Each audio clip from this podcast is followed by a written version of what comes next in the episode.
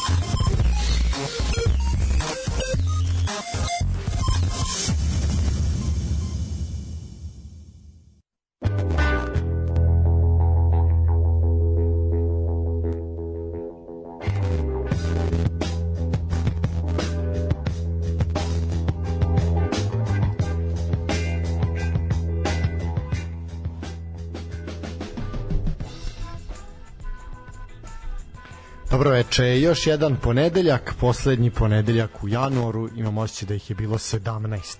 Toliko je dugo trajalo, a mi smo evo uleteli bez pesme, bez ičega, odmah klizeći, kao što će Ivan Tatomirović narednih meseci uklizavati na stadionu Kolubare, a i širom naše uh, lepe ali okupirane države. Dobro, dobro veče. Dobro veče i sa moje strane ljubitelji menadžera 2008 se rado sećaju Ivana Tatomirovića kada je bio interesantan podmatku i jeftin za dovesti u bilo koji klub Super Lige Srbije tako da ko je uzimao klubove sadašnjeg ranga Kolubare, a tada su to bili napredak Hajduk Kula ili recimo Mlado Slučani, sigurno će se obradovati da ga gleda uživo u Lazarevcu i na terenima širom Srbije. Pored toga imamo nekoliko zanimljivih pojačanja u ostalim ekipama i to je nešto čime ćemo se baviti u toku emisije, ali ali idemo redom, idemo pa, redom. Gle, najslađe je domaća liga, pa će u nju za kraj. Tako pa. je. Ovaj aj prvo ovako malo da pošto se zadihan uleteo je, ovaj baš kao klizeći, ovaj a, više bio klizeći kao Ibrahim Gaj, ovaj nego ovaj aj izvi, a, moram Tatomirovića, moram. Da, da. Kaži mi ovaj kako bila tvoja nedelja, ovaj prethodna malo da opustimo se pa ćemo onda ove teške teme ovaj, bilo nešto zanimljivo, ovaj, se nešto zanimljivo radio, se nešto zanimljivo pogledao, video. A znaš kako, ja kad, kad je Srđan Đoković aktuelno, ne postoji ništa drugo. To je jednostavno mora da se čuje nešto. Znači, proživljavao si ti Golgotu u Australiji. Oslo, tako je, o slobodarskom svetu.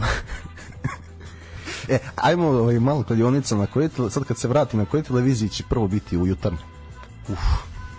Hmm. Happy. Garantovano.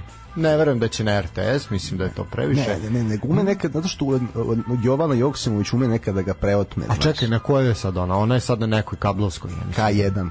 Šta je? Išao on kod nje na prvu, ali ona sad ima onu K1, da, to je baš da. valjda njena. Ona i Željko drže, da. da, da. Tako da... Ovaj, pa mislim Happy, ono, mislim da je Happy tu naj, naj onako najveći favorit, ono, 1.20 kvota.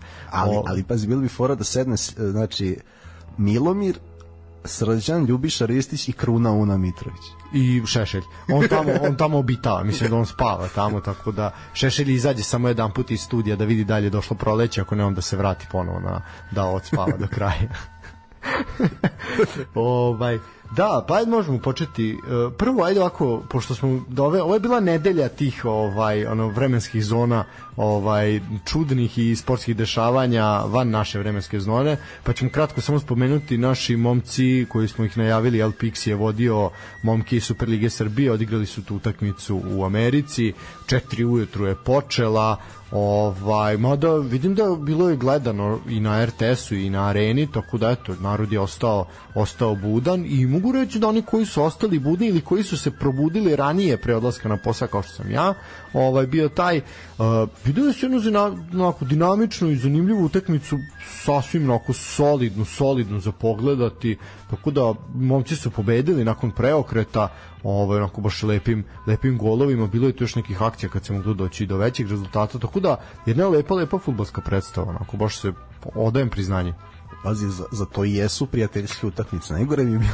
ono kad s kim smo ono igrali jedne godine 0-0 sa Hondurasom, čini A Panama, Jamajka pa, i to, to je Ilija Stolica kao, te, kao selektor. Pa, ej, to, ne, bilo još ono i sa Drulom kad se to išlo. To je pre, da, da. Znači, ali ono, s kim je bilo da onako, znači, prijateljska, i niko ne želi to je da kad se Ilija Stolica žalio da je bila trava visoka. Ne ne pre toga mislim negde 2014 a dobro 15. to je još da to je sad davno. Ovo je bilo ovo najskorije to brukanje da dole tako da dobre momci su pazi iskoristili šansu i stvarno onako kad u slučaju dođe do nekih povreda suspenzija ti vidiš da ima ko da da uskoči, da odradi neku rolu makar od 15 minuta i ozbiljnije utakmice. Fantastičan slobodnjak Luka Ilića, to treba napomenuti, momak je zvekno svaka čast, Veljko Simić je fantastičnu utakmicu odigrao, zaista onako ne, sam... preneli su to samopouzdanje iz klubova baš na, da. na terenu ovamo i svaka čast. I onako jedna jako, jako lepa najava za superligaško takmičenje koje nas čeka jel, od vikenda.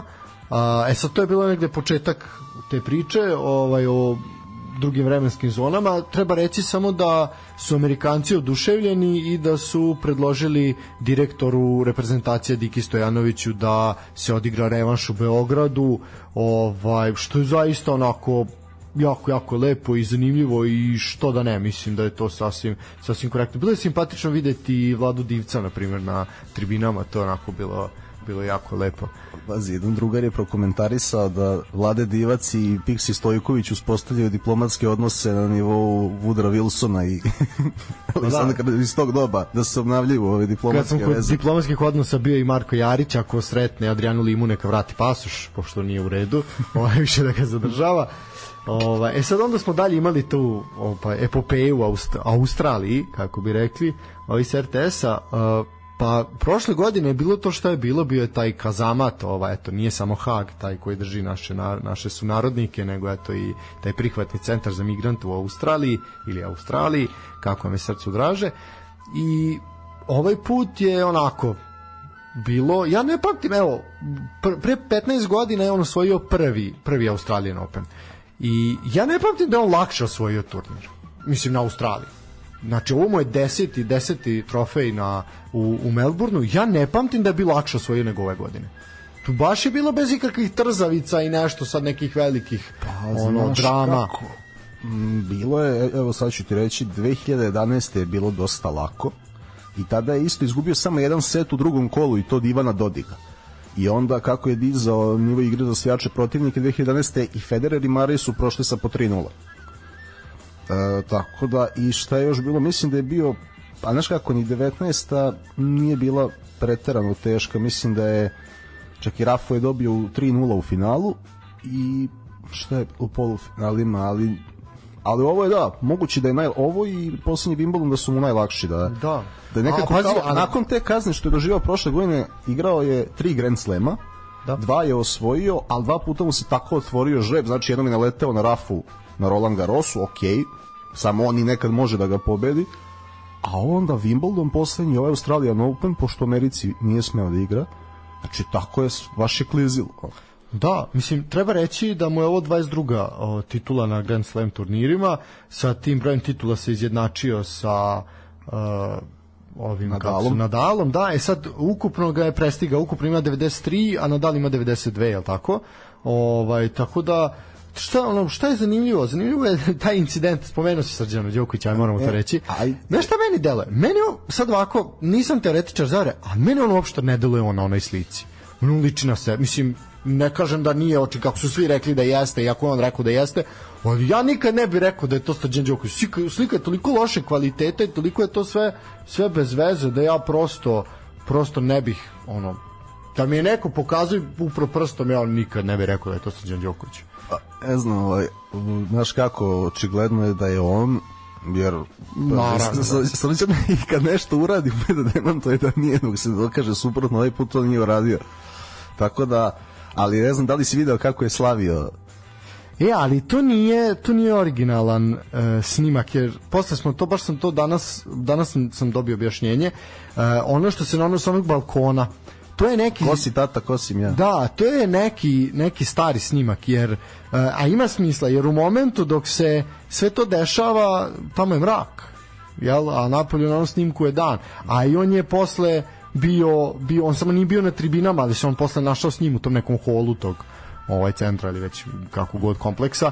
Ovaj tako da naš malo malo to nije autentično. Ili može biti eventualno da je to u toku meča ali baš nešto ne verujem. Ne, možda da je ili se možda zagrevao za meč pošto je bio video da čini mi se da je bio viski na stolu da. u čaši i... ali da on je, mislim šta se desilo on se slikao sa navijačima ajde sad ovaj naših ovaj tenisera i tenisera naše ovaj pravoslavne braće da tako kažemo ovaj ali su oni nosili eto tu zastavu Rusije i majicu sa slovom Z jel? E, čovjek se uslikao ništa sporno, ali eto, dobio upozorenje organizacije turnira i onda su u dogovoru sa porodicom, jeli sa samim Novakom i sa stručnim štabom i svi su se onako okupili, onda su oni rekli eto da ne bi izazivali neke incidente ili neke kazne, da on ne bude, ne bude na tribinama, što je sasvim u redu, mislim da onako bolje nego rizikovati nego rizikovati zaista neku, neku, neku kaznu, neki incident, neku provokaciju, tako da je to vrlo pametno odrađeno. On je spusti, spustili su loptu. Da. Posebno što Srđan nije čovjek koji uvek spušta loptu. To je, pa da, to smo videli više puta. To da. je dobro. Ali znaš kako, malo sad stvarno znaš, svaki prvo potez je vjerojatno malo nepromišljen, ne vidim ja ništa strašno što se on slikao nego je se radi o tome da svaki korak Novaka njegove porodice praćenje, onda ti znaš da ti to ne treba e, tako da neka, neka on pobeđuje na terenu i posle kaže da što je Novak Suptil onda provukao nije spomenuo Ruse kad je rekao na kraju ovaj, eto mi iz Srbije i Grčke naš aludiraju na to da pravoslavci sada dominiraju tenisom dominiraju tenisom zato što pazi ti imaš Đoković, imaš Cipasa, imaš Medvedeva, Rubljova u prvih deset Zverev je dobio je nemački pasoš i ko je tu još kada Hačanov je bio polufinalista, pa dve beloruskinje u polufinalu, da, jedna, jedna osvajačica, pa ruskinja s kazahstanskim pasošem, znaš, tako da Novak je aludirao na to onako suptilno i gde ne možeš da mu nađeš nikakvu rupu. Tako da ako hoćeš da pošalješ neku poruku, onda radiš tako. A Srđan, mislim, e, da li si ti gledao snima kako Srđan Đoković peva crnogorsku himnu u nekoj vikendici kad se kači na prozor? Ja mislim da jesam, a sam me podsjeti da li on peva baš crnogorsku himnu ili peva ovo što peva Danica Crnogorčevića u izmenjenu? Ne, ne on je, a, ne, to je neka kombinovana verzija koju peva Rade Jorović. A to je ta, a to je ta pri, to je ta sad sporna, sporna pesma zbog koju ove sad nešto oni prozivaju nju, hoće da je naplati neku kaznu, da je rapišu, mislim sad je to neki cirkus dole. Mislim, e, pojam crnogorske himne je sporan od prvog dana jer je ta pesma sporna crnogorske države i državnosti je sporan isto koji mnogo i, na, i nešto severnije jel? ali e, problem je što je ta pesma sama po sebi problem kad je nastala pa je onda zašto je to uzeto, pa se onda te naše neke verzije i tako dalje. Mislim, sve je tu problem, kako god se uplete problemi. Ja, kad se Srki popenje, znači na prozor, pa se onako gore drži pentra i viče na lovčinu Njegoš spava. To, ne, ja sam... a, a Njegoš u tom momentu, ono bi, da, da je živo ubio bi se još jedan put, nađe otprilike. Strašno. jako. Ovaj, šta da, treba? E da, znate Beloruskinja, ovaj, danas je, danas je bilo to fotografisanje u onom parku, jel? I beloruski, ja nisam gledao ni jedan minut onu ženskog turnira Australian Opena i zaista me to ne zanima. Znači svaka čast svakome, ali ne mogu. Ovaj, I onda se ona slikala, a ona vidi, kad je digla onaj pehar, a biceps kad je sevnuo i neka tetovaža preko, a kao slikanje sve iz bajke, naš ono u roze haljinici i vamo tamo, a zato sine biceps kad je nategla rekao ok, ovde se svaka bajka završava ovde sve prestaje idemo pa i Srenu Williams umeli da vuku haljinu ali pa dobro da mislim i Venus. Da da ne da ćemo batina od ženske prava borca za ženska prava. A, evo samo znači samo kratko ono što je zaista za pohvale da Sinuća Novak Đoković je ponovo prvi teniser sveta. 22. Grand Slam se spomenuo, tu je izjednačen, ima, sad je ovo 374. nedelja da je prvi juri rekord od 400, što nije niko uspio ni jednoj konkurenciji i realno je da to ostvari zato što Carlos Alcaraz brani dosta bodova, tako da ako neko drugi ne iskoči u ovoj američkoj turneji ili sezoni šljake, Novak će stići 400 tu nedelju i to znači to je dosta ispred Verera i Nadala i pitanje da li će iko ikada stigne. Tako da pomenuo se 93. turnir da je osvojio ukupno, još jedan mu treba da se izjednači s Ivanom Ledlom i onda ostaju ispred samo Jimmy Connors i Roger Federer, koji su igrali do, do kojih godina su igrali Novak u ovim godinama izgleda fizički spremno kao da ima 25. Ti, znači nije to ono da mu vidiš da je turnir Labudova pesma, da se on nešto volšebno izlačio. Ti po igri ne vidiš da se nazire kraj. I drugo što on daš, ok, pomeni on stil igre, skraćuje poene malo kad može, Goran Ivanišević mu pomaže da dosta poena osvaja servisom, da, da, ali kada treba na protivnikom servisu vidiš da on, da on uopšte nije inferioran u razverama sa igračima koji su mlađi 10-12 godina, to je, znači kad pogledaš njega, kad pogledaš ne znam, kao LeBron James koji sad je još stariji pa bacuje po 40 poena i dalje stvarno sportska medicina koliko je napredovala ko želi da traje ima sreći da nema povrede ligamenata i sličnih mehaničkih povreda da, baš može da traje da. kao i Benzema i Modrić i to mi je više za poštovanje od od samog osvajanja. Znaš, ovo je onako što na tortu da osvoji, navijamo, sve super, ali ovo, ovo trajanje, pazi ti sad, kad pogledaš gde je bilo 2007. Kad se on probio u, u tih top 5, top 3, da je on i dalje tu, da je Nadal i dalje tu, da je Federer do nedavno bio tu, meni je to fascinantno. I ono što je stvarno sad kad pogledaš, uh, ipak je doprino, znaš, bilo je priče, to dok on igra, pa više se posle neće gledati tenis u Srbiji. Nisam siguran, zato što veliki broj ljudi Ja mislim da će zamreti, ali neće, neće, znaš kako, VTA neće niko gledati, to ATP neće u toj meri, ali će gledati ljude, počelo to da zanima, prate i, i ovo kad on je igrao, prate turnire Medvedeva, Alcaraza, znači pa, splasnuće, ne, splasnuće hype, ali da. će onaj ima ljudi koji su zavoleli tenis uz to, tako da, Naravno. da ne, pazi, da je on stvarno da ne znam da je samo 3-4 godine igrao, bilo bi kao što kažeš, ali mislim da ovo trajanje da Tako da... Pa, daš kako, svakako će hype splasnuti i ono naš, najveći turniri će se pratiti, ali ove ove stvari neke to mislim da će... Pa dobro, ATP, Delray Beach od 250 da. poena neće, ali Masters i Slamovi hoće. To je moje mišljenje. Pa vidjet ćemo, u suštini vidjet ćemo, ali što je naj, mislim, u sve toj priči, zaista se ne nazire kraj, to ćemo pričati kad dođe do tog kraja, ali baš se on, ono, ne nazire, makar u još jednom olimpijskom ciklusu, a sad vidjet ćemo. Pa, sigurno da ima ambicije da igra do Pariza. Da. To je bilo interesantno, e, da li bi posle imao ambiciju da igra ako bi bio spreman ili bi to splaslo. Znaš kako, Federerovo posljednje finale i to ono koje je imao dve meč lopte protiv Novaka je bilo sa 38 godina.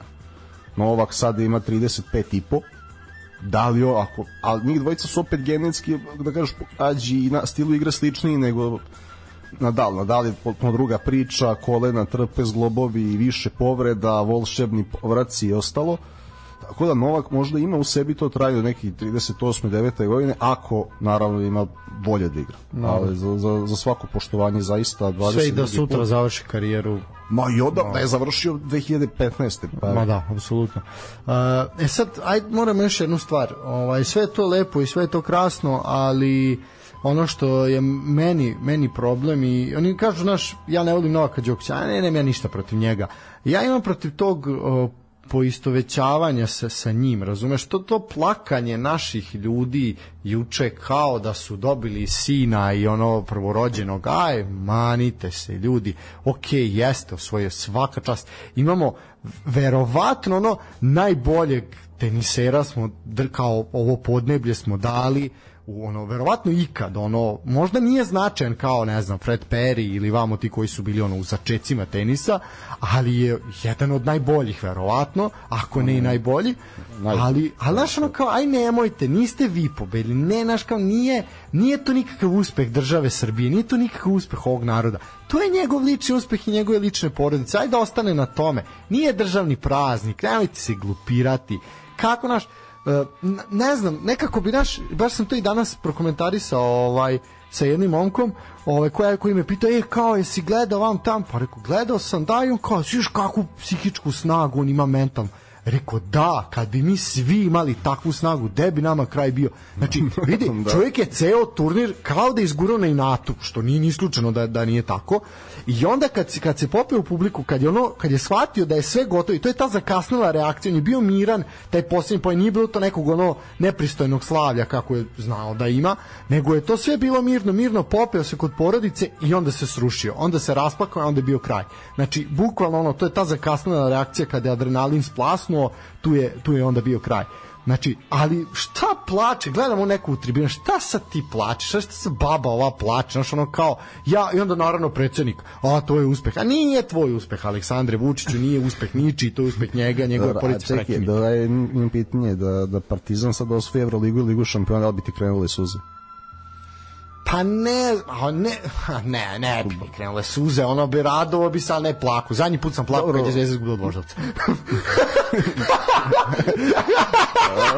Šalim, da, tu su, tu su sve suze izašle. Ovaj. Dobro, to, ovaj, slušalci ne, ali... ne znaju kakav je to bio grupa sa Tozom i još nekim ljudima, ali tu stvarno smo premrali tada za, za tu duplu krunu i tango smrti, ali hoću ti kažem, gledaj, uh, Doro, da li, bi, sad, da li bi ti plako, ne bi ne znao, sigurno da sad da se desi nešto veliko za ono šta je tebi prioritet, A to je pro, mislim, ja mislim da je to malo problematično, tvoj, znaš. Evo sad, Partizan prvak Evrope u futbolu. Ili? Dobro jel bi radio ti jel bi tražio dan? Jel bi gledao ne, da ne. A, to, to ne ali dobro a sigurno bi uzeo ili bi uzeo neku čašicu nazdravio nešto ne, o... na svoj način. A što ti kažem nekom je u sportu omiljeni sportista ovak ima razloga što je to tako da li se preteruje? Da. Ali pazi opet i to mogu manje. Ja znaš kad je meni meni je najviše nerviralo pravo ti kažem ono kad je postao prvi u stvari dve stvari su me nervirale kroz karijeru. Jedna je 2011. i 12. godina, znači kad je postao prvi, kad je onda se očekivalo da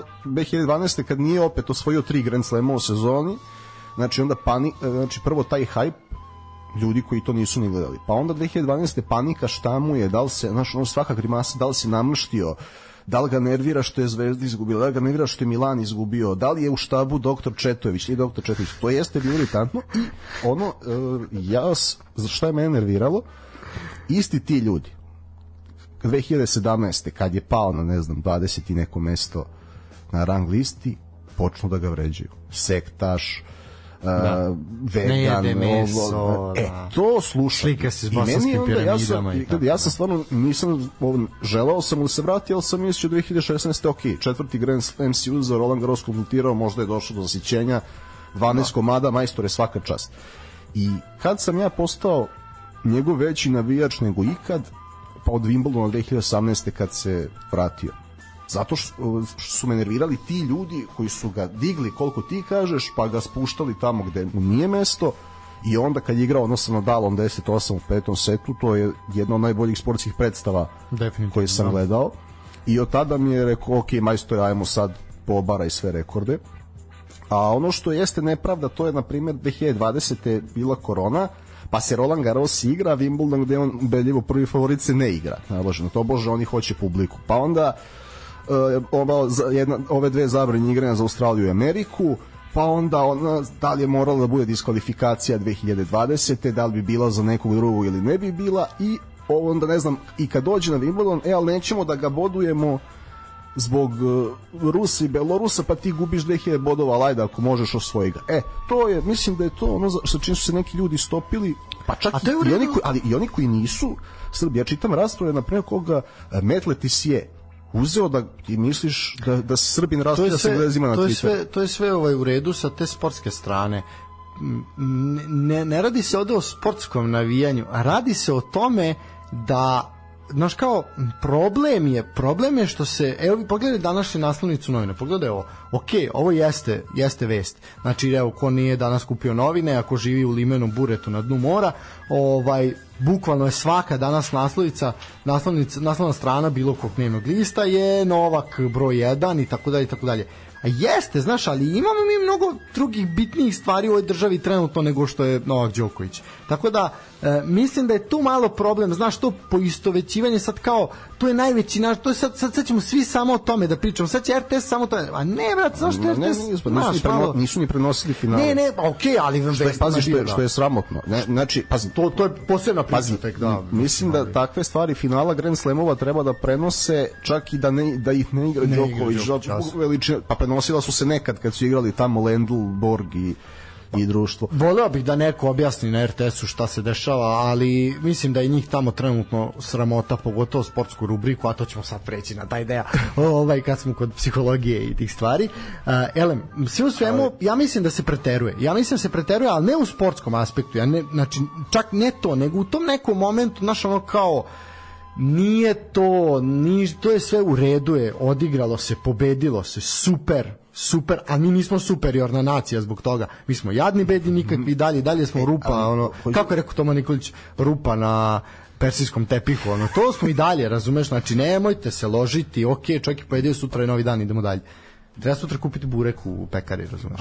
Dobro, pre novi dan, ali kažem ti opet bolje da je Novak Đoković na naslovi stranici nego Starlete, znaš, nego ono što inače na naslovi Naravno, okej, okay, I gledaj, šta je kažem, ključno, da. znaš, nekad, šta je jedna od bitnih razlika među bivše i sadašnje države je ta što su novinski naslovi bili pozitivni, gde čovjek kad krene na posao u firmu koju je možda sam i stvarao, izidao, gde ono kada kupi burek i novine u novinama vidi nešto lepo na naslovi, a ono podzemlje, u tome se mnogo manje znalo. A ti ujutru čim ustaneš nervozan, ispavan, sada vidiš ono naslov, vidiš da. nešto ružno, neko ubistvo, kriminal i u ćošku vidiš nekoga ko niče nije zaslužio veliki zarađen novac. I ti od jutra imaš gnev. Tako da bolje da je na naslovnoj stranici Novak Đoković, a ovo plakanje baba, to mislim... A to to su naši, mislim da, da. Ovaj aj ti meni reci, hoćemo mi ići na pa nažalost će biti uvek. Ali Ovaj nek, e, vidi, bolje da plaču zbog toga nego zbog nekih drugih stvari, tako da... Istina, nego zbog turske serije. Ovaj, e sad, hoćemo mi odmah na rukomet ili ćemo pustiti pesmu ili možemo i odmah kratko pretrčati pa ćemo onda onda napraviti pauzu. Sad kad smo ušli u, ritam, ovaj, zagrejali smo da, se. nema šta. A, završeno je svetsko prvenstvo u rukometu, treća uzastopna svetska titula za dance. Ja iskreno nisam očekivao, negde su meni Norvežani bili bili onako neki prvi favoriti uz Nemce, ovaj, ali kakve kakve utakmice, kakve prvo završnice, završni dueli, te polufinala i utakmice za treće mesto, pa i pa i samo finale neću ja nešto pretarano ovaj dužiti a, Francuzi su bili slabiji rival manje kvalitetan u odnosu na na Dansku. Danska je na svim u svim segmentima igre bila totalno bolja. Tim ovo je na, ozbiljna timska pobeda jednog ozbiljnog tima koji je popunjen na svakoj poziciji i ne zavisi od jednog igrača.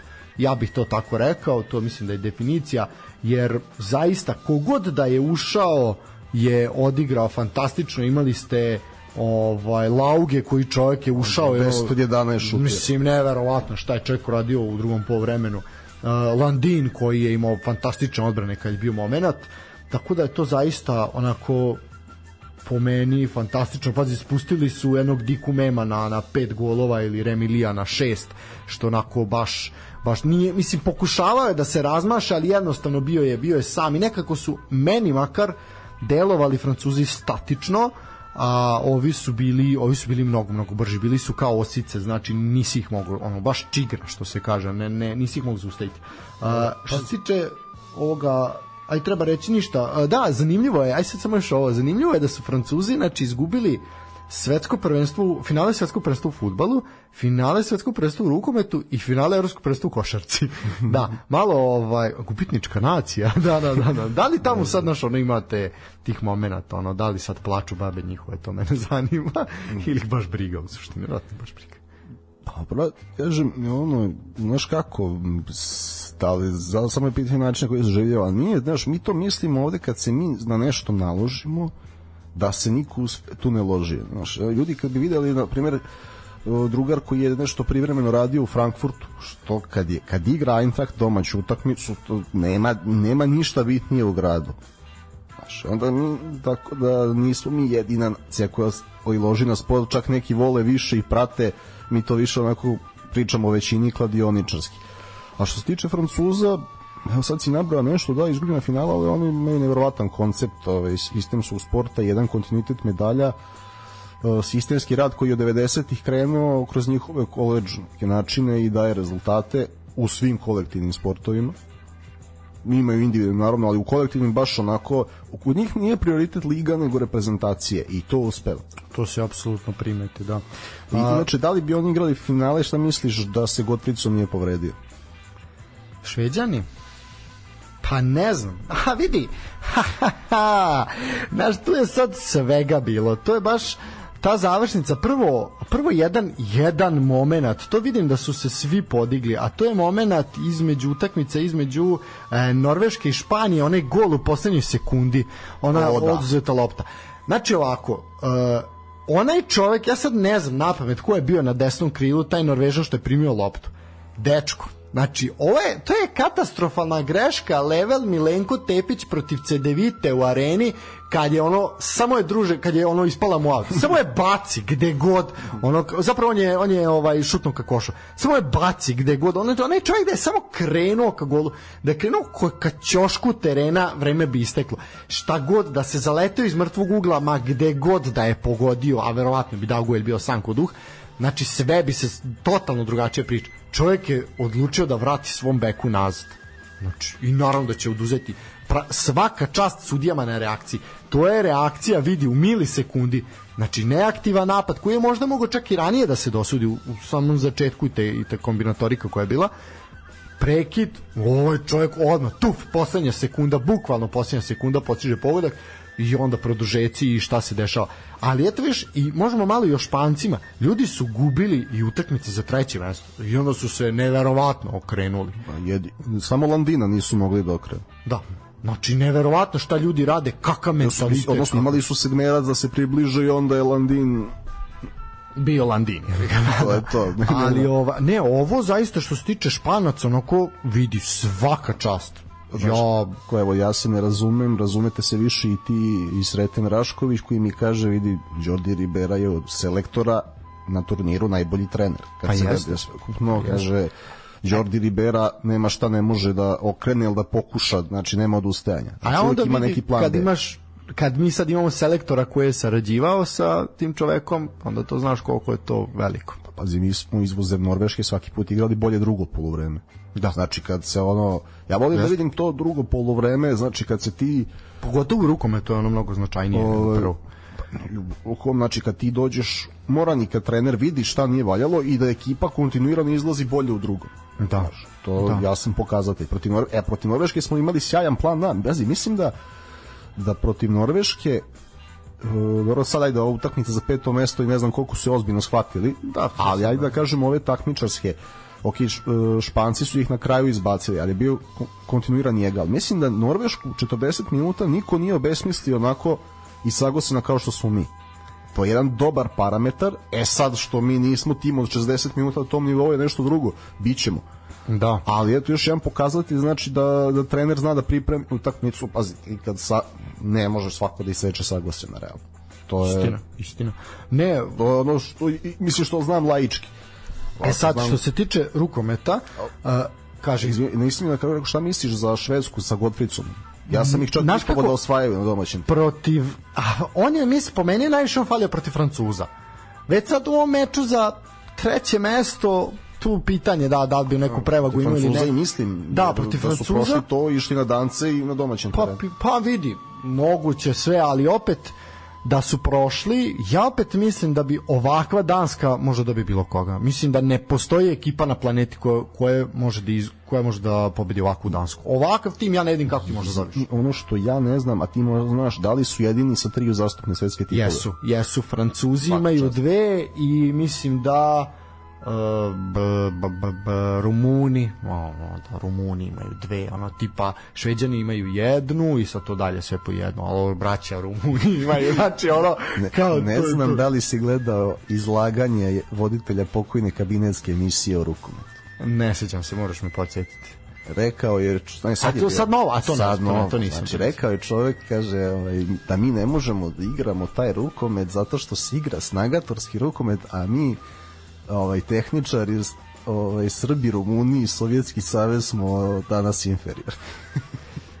Pa dobro, da, A, okej, ja, da. čovjek, a ja se kladi da čovjek nije pogledao Ne, minut, verovatno. Da, da, minut. E sad, m, ono što je zanimljivo, na primjer, mislim da imali smo jedno jako zanimljivo prvenstvo i da je to bilo onako sasvim, sasvim korektno i gledljivo i sve je bilo na mestu. Ne, maksimalno. Da, e sad, ima jedan moment, jedino što su šta je, izvini, ovo što sam hteo malo pre da kažem, to je da su ovaj kladionice i ovaj bile apsolutno u pravu za skoro sve što će se dešavati izuzev eh, Egipta. Znači, Da, ba, bilo je okej. onako i to su pazi da posle su naravno kad se Dobro, god- promašili su se nas. kad se, to je, to je bilo malo, jedno. pa ne, tipovali su nas da ćemo biti treći u toj Tipoli su u top 5 da ćemo biti. ukupno. Da, mi su bili peti favorit. Nisam to video, ja sam Peti video... favorit smo mi bili. Onda ne, nismo gledali iste stvari. Ja sam gledao da smo mi bili peti favoriti, to je bilo, ok- mislim, a realno da se mi ne lažemo, mi smo tamo trebali biti mesto tog Egipta, da smo imali drugačije. mislim da bismo među, u, od ovih što su ušli među osam dali više od Egipta i Mađarske. U, sigurno. I od Mađara, upravo si. Sigurno. Siguran sam da bi tu bili kvalitetniji. Sigurno. A, kaži mi, uvodi se mogućnost challenge-a, to se ne znam da si video, a, od, Video sam. da, u, znači bit će testirano na Final Fouru uh, Lige šampiona za, za žene, Uh, trener će imati po jedan challenge po utakmici, neće snositi nikakve sankcije ako pogreši, imaće pravo da traži video analizu. Šta misliš o tome? Ja sam svakako za. Da li, mislim, ja ne verujem da će ovo usporiti, jer, jer igra se jako brzo, znači nema šta da uspori. ono, da. Znači, može samo da pomogne, znači kao i VAR, ni VAR nije savršeno funkcionisao u početku, pa ga konstantno popravljaju, tako da za svaku proveru video analizu da bilo ko ne bude oštećen, ja sam uvek za.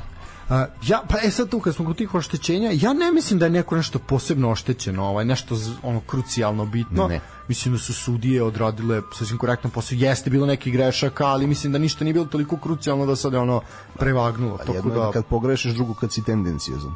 ok, naravno, da. A ovo, ja prvo, prvo rukometno prvenstvo sam ispratio da nisam video nikako, čak ni za Šveđane kao domaćine, e sad ne znamo kako bi bilo da je Šta bio bi bi da li je bilo, da. final, a neće da mu otvrdimo, ali ceo turnir, ja nisam video nikakvu tendenciju, niko ne može da se žali i generalno snimci su do, stvarno su greške svedene na minimum i još jedan razlog da rukomet bude praćeniji i gledaniji kod nas ponovo uz rast ove reprezentacije i poboljšanje u ligi da da je jedan zaista E, to je opet ono što kultni, kultni da. kolektivni sport koji dosta uh, zbog fizionomije i genetike dosta momaka ovde može da igra. Realno. Čak Da. neki analitičari sad medicinski stručnjaci kažu da smo genetski najbolji ovde za rukomet na ovim prostorima. Pa jest, ja se slažem, apsolutno. Mislim, kao neko ko se bavi, ako neko ko radi u zdravstvu, ja apsolutno to mogu da tvrdim. To je, za nas je to, za našu Znači, decu je to to najbolji sport. Apsolutno.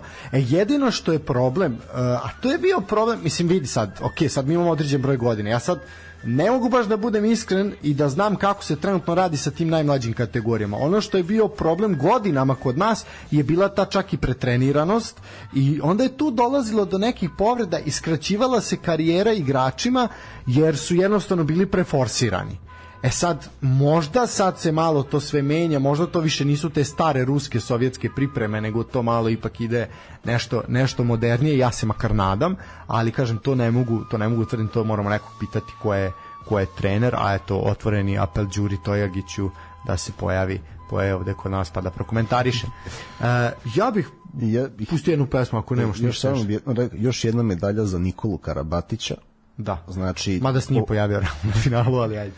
Vidi, o, dogodine se opiće u timu, dogodine se oprašta na svom terenu u Parizu na olimpijskim igrama i tu će obeležiti 22 godine igranja za reprezentaciju. Završio bih sa rukometom time, tako da se nadamo da će sportski pozdrav za godinu i po dana biti još popularni i praćeniji i da ćemo onda moći jednu emisiju da posvetimo velikanu rukometu. To je to, poentirao si kao Nikola Karabatić. E, ništa, puštamo, puštamo... Ima nešto u nauci i meni. Da, da, da ima nešto. dobro, dobro. E, slušamo dve pesme da se malo oporavimo i onda ćemo pričati malo o sportskoj psihologiji napada. Sve vam je jasno. Uživajte.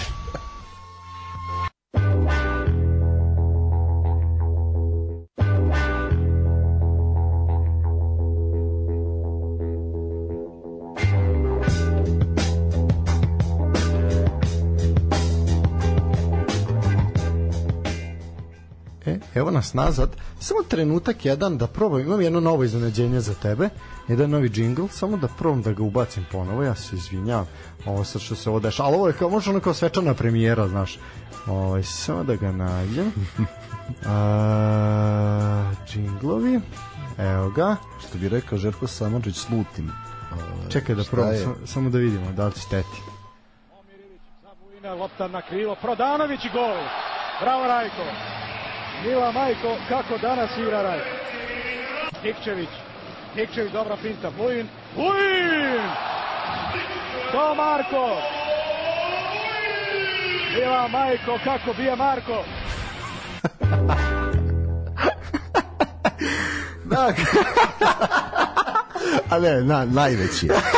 Najveći je. Znaš da se ja danas razmišljao, kao, ja se spremam, mislim sad, ajde, znam da smo, najavili smo Kvinjalo davno, ovaj, i ja sad, ono, zbog nekih, ono, ličnih i obaveza, aj prvo imali smo obojicu tu arenu, sad je frka na poslu, tome ja sad, znaš, ono, pokušavam sad da bude neki miran period i da to rešimo tad, jer zaista želim tome da se posvetim.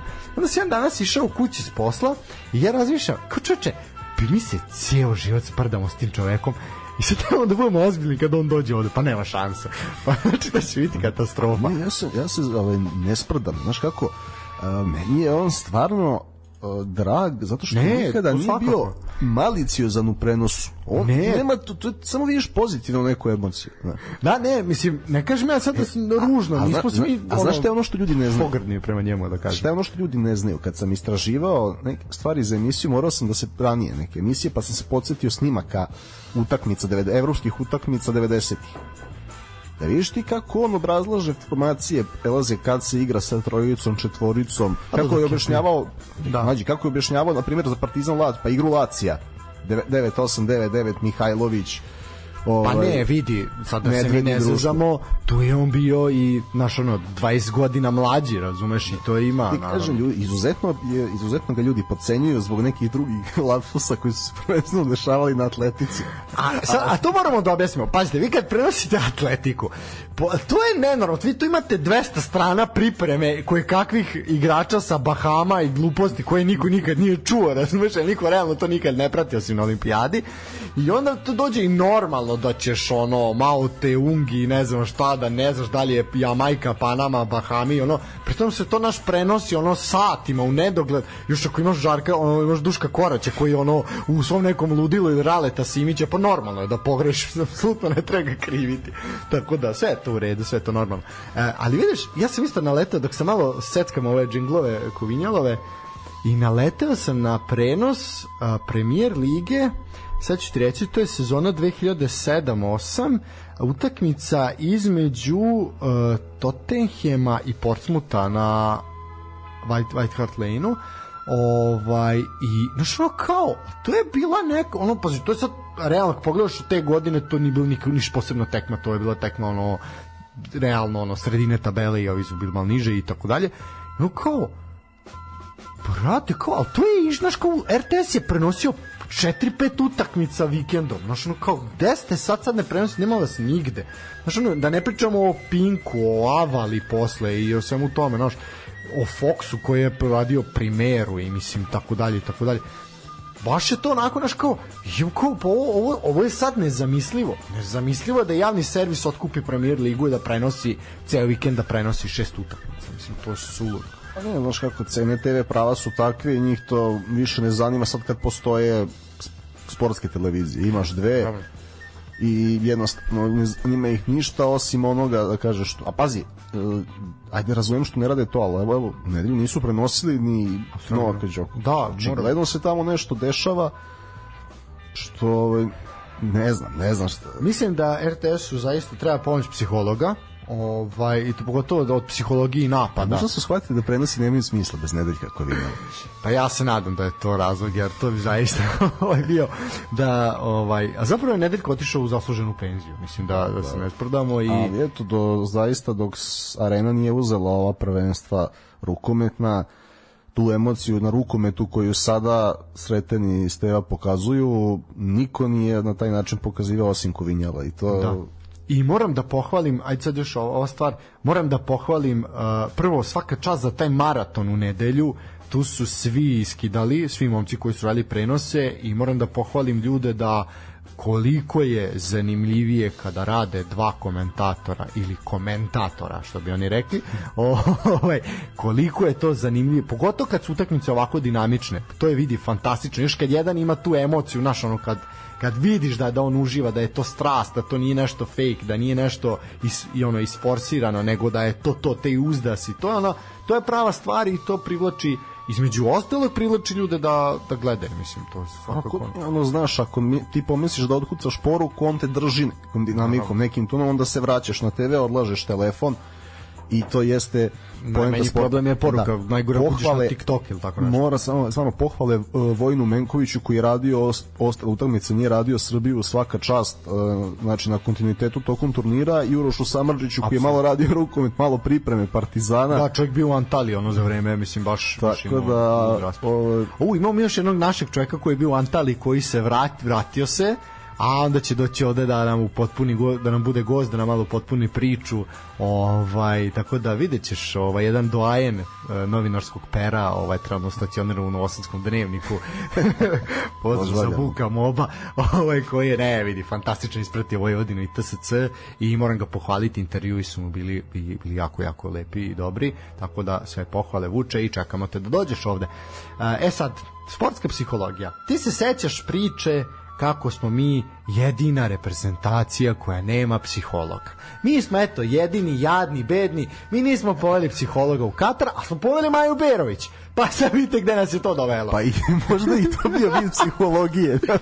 Definitivno ne, ne, ne parapsihologije. Ne, ne, smo poveli u Dubaju u fan zonu. Možda bi bilo bolje da smo poveli u Katar. Bojim se šta bi da smo poveli u Katar, bolje da nismo.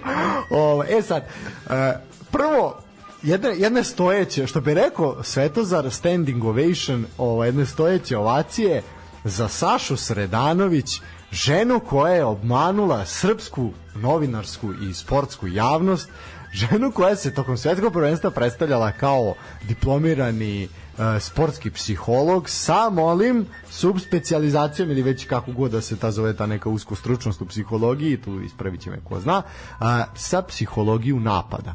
Znači kao što je Branko Borota bio pomoćni trener za izvođenje auta sa sredine terena, tako je ovo otprilike to. E, šta se, naša lepa Saša, a bukvalno to, naša jako lepa Saša, je tokom ovih mesec dana koliko je trajalo svetsko prvenstvo gostovala na nekih, koliko smo tu mi izbrali, nekih 15 televizija, kablovskih, a pazi, bila je na RTS-u. Znači RTS, Happy, vamo tamo sve, pa je došla i do tih kablovskih K1 i tako dalje i tako dalje. Znači bila je svuda Nova S i tako dalje i tako dalje. Ova, e sad, e, ona je kao svoju biografiju navela ovako. Kaže da je e, ona sportska psihološkinja koja je radila u FK Barceloni, odnosno njihovoj akademiji La Masia, sa prethodnim radnim iskustvom u Olimpiji iz Ljubljane, Atletic Bilbao i Real Betisu.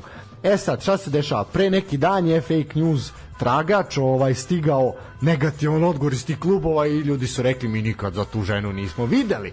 A onda šta se desilo? Onda je oštro oko naših drugara e, otišlo na Instagram profil Saše Sredanović i shvatilo da su sve njene slike i photoshopirane, da ona zapravo nikad nije bila na tim stadionima, nego da je ona svuda lepo ubačena.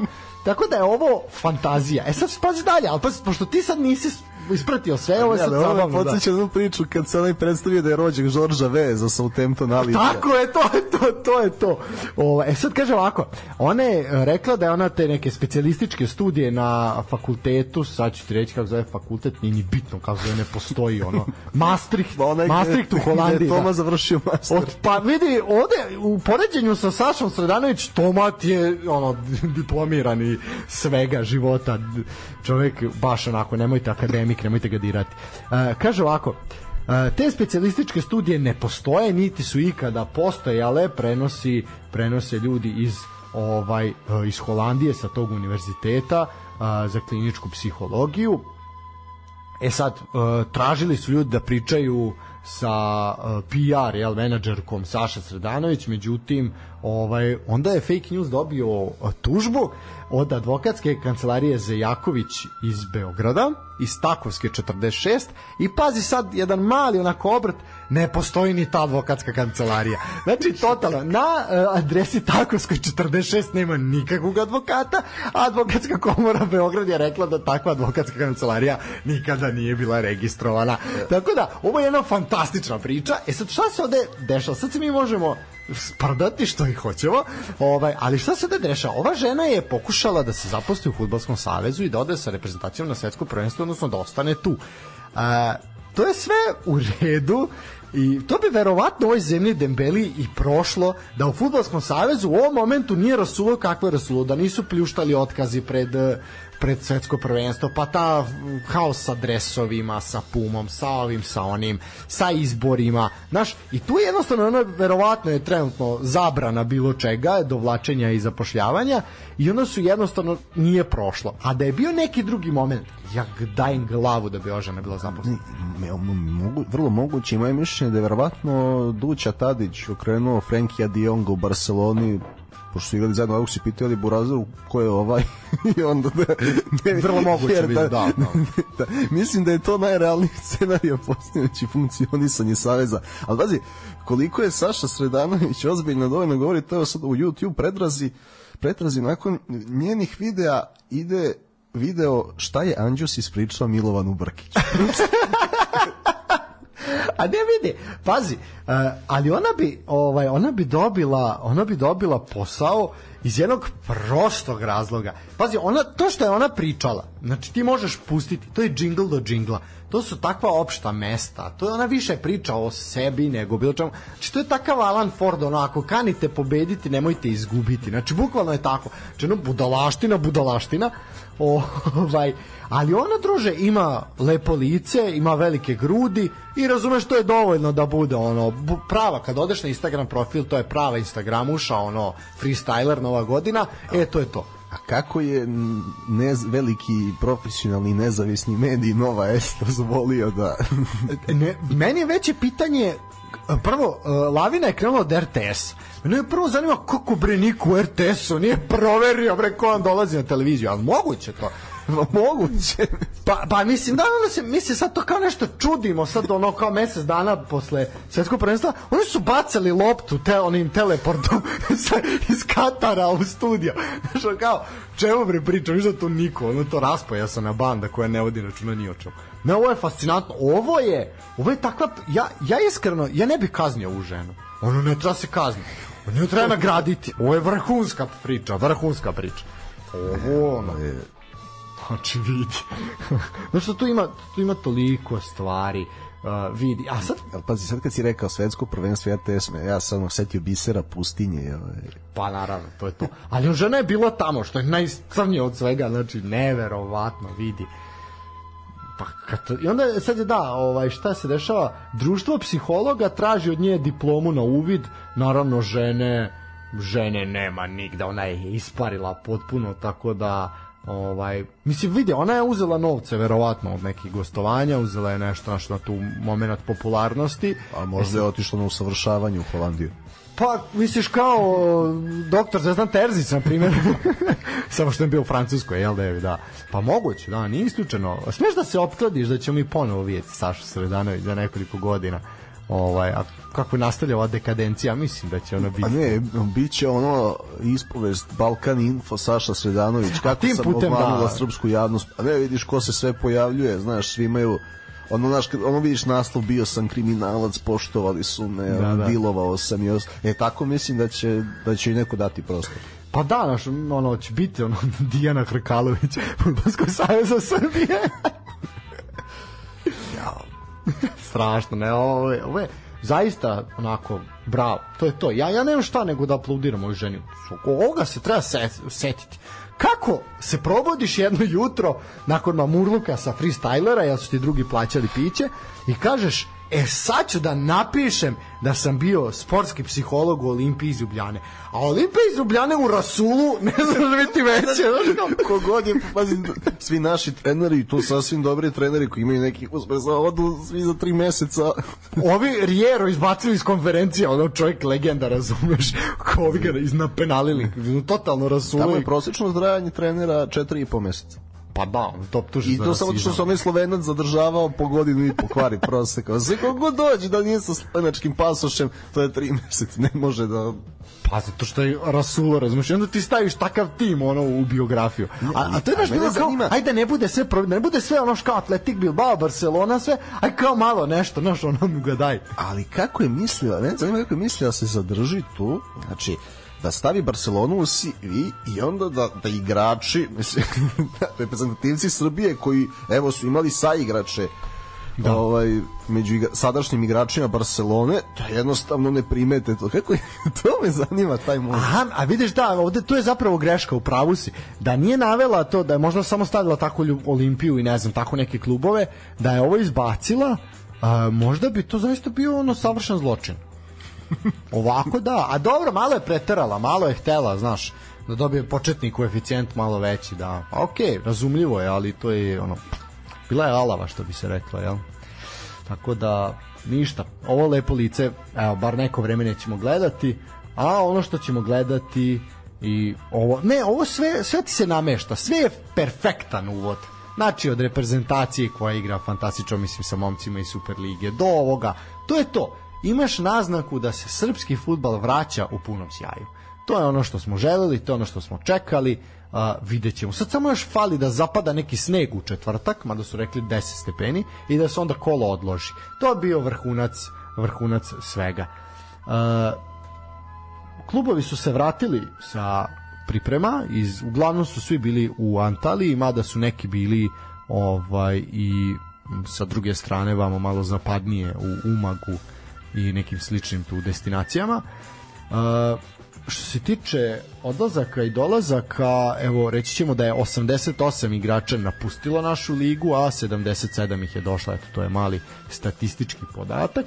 Mi ćemo sad malo najaviti naredno kolo i malo ćemo protrčati kroz najbitnije neke transfere ko je tu šta uradio. E, više su klubovi otpuštali, moram priznati, nego što su dovodili, ali ima nekih zaista zanimljivih ovaj transfera, tako da ako se ti slažeš, ja bih to polako krenuo.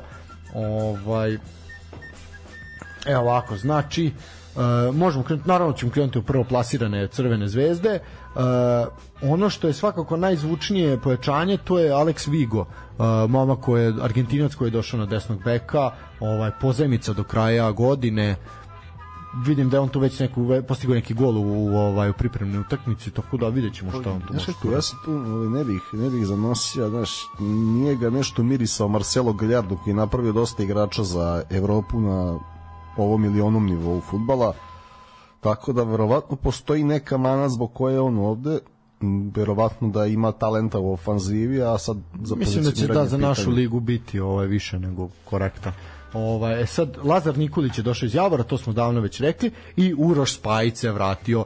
Ja mislim da Uroš Spajić nije dobio poziv u reprezentaciju da bi njegova mama zaboravila da on igra futbal, ali evo ga ovaj, u Crvenoj zvezdi. A, zbog liga.